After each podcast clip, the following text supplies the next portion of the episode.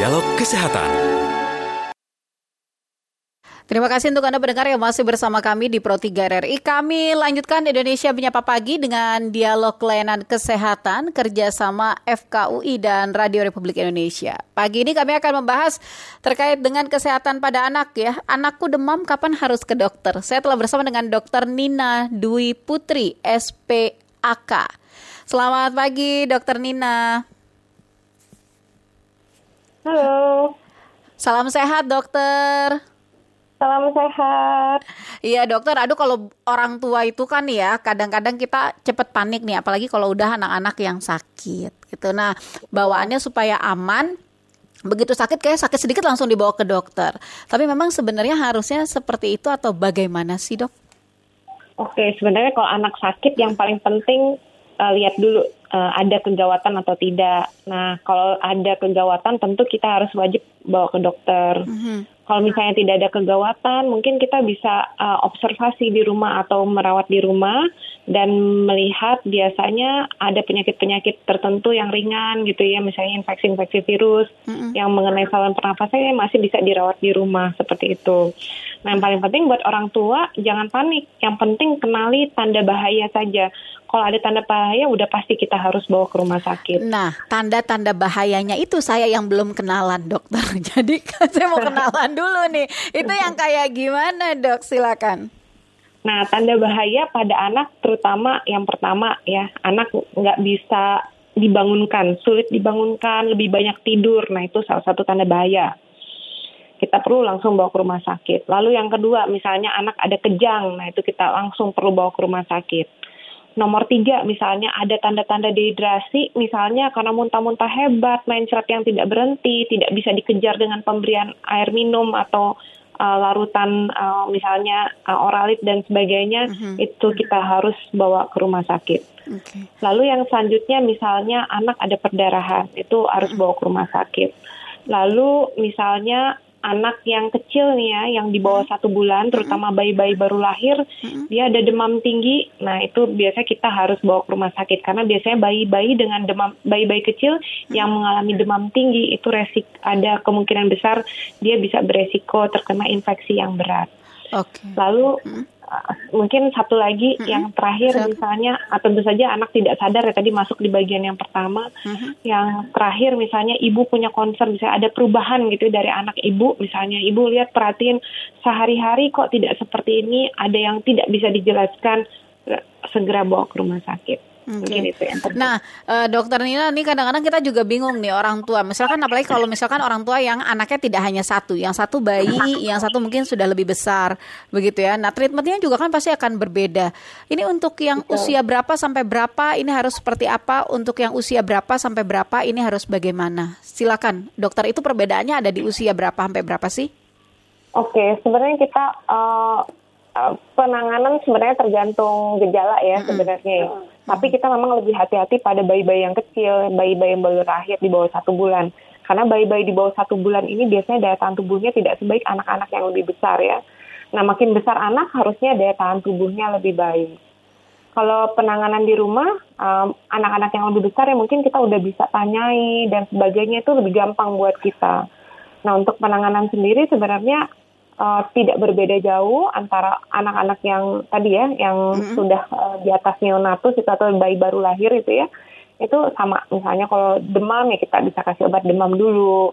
Terus kemudian kalau misalnya dia ada apa ya uh, mencret mungkin kita bisa ganti cairannya supaya dia tidak dehidrasi.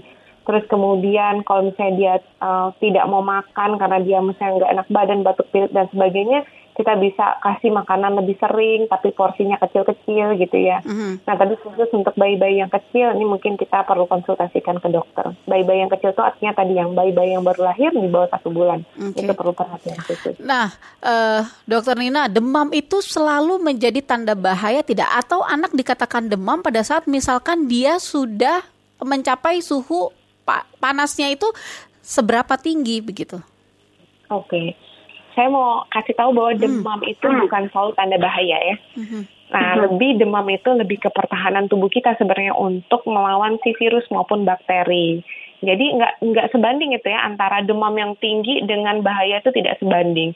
Bisa saja demamnya tidak terlalu tinggi tapi ada tanda bahaya misalnya anaknya banyak mengantuk dan sebagainya tidak bisa dibangunkan itu tanda bahaya. Tapi demam sendiri itu tidak mesti selalu tanda bahaya. Namun kalau ada demam yang tinggi sekali sampai 40 itu mungkin kita perlu hati-hati karena kadang-kadang demam 40 itu uh, mungkin ada faktor resiko yang bisa terjadi misalnya kejang dan sebagainya. Nah, definisi demam sendiri secara umum kita menganggap demam kalau demam itu di atas 37,5 derajat Celcius ya Bapak Ibu sekalian ya. Walaupun ada beberapa literatur yang bilang di atas 37,2, tapi kita secara umum dokter anak menganggap di atas 37,5 itu sudah termasuk demam. Oke, berarti ada tipsnya tidak untuk mengantisipasi atau kalau misalkan anak baru demam nih, uh, kebetulan kalau anak saya yang kecil ya, uh, dokter Nina ya, usianya 9 tahun begitu. Nah, dia memang kalau misalkan kelelahan atau apa itu biasanya uh, nanti yang akan pertama kali dirasa itu pasti badannya langsung anget nih. Anget, panas, ya? panas, panas gitu kan. Nah, itu apa yang harusnya saya lakukan pada saat misalkan anak dalam kondisi seperti itu? Oke, okay. kalau anak ada kondisi demam, badannya panas, yang mm. pertama kita lihat dulu kan dia habis aktivitas mm. ya tadi ya, yeah. ada kekurangan cairan atau mm. enggak? Karena kekurangan cairan mm. bisa bikin demam, mm. enggak mesti selalu infeksi. Kalau demamnya signifikan, anaknya lemes, letoy, kita boleh kasih obat demam. Yang paling gampang adalah paracetamol ya. Mm. Paracetamol itu banyak tersedia dan cukup aman gitu untuk digunakan. Satu lagi kalau misalnya demamnya berlanjut, tidak turun-turun, uh, lebih dari tiga hari kita perlu periksakan ke dokter. Mungkin ada sakit-sakit tertentu yang kita perlu eksplorasi, perlu diobati. Okay. Setiap saya mau bawa ke dokter, terus dia sembuh. ya, lagi-lagi prinsipnya adalah melihat tanda bahaya. Mm -hmm. Anak demam tapi jumpalitan, yeah. loncat-loncat, main, kita nggak perlu terlalu terlalu khawatir gitu ya, yeah. karena biasanya demamnya adalah bagian melawan virus yang masuk ke dalam tubuh biasanya seperti hmm, itu.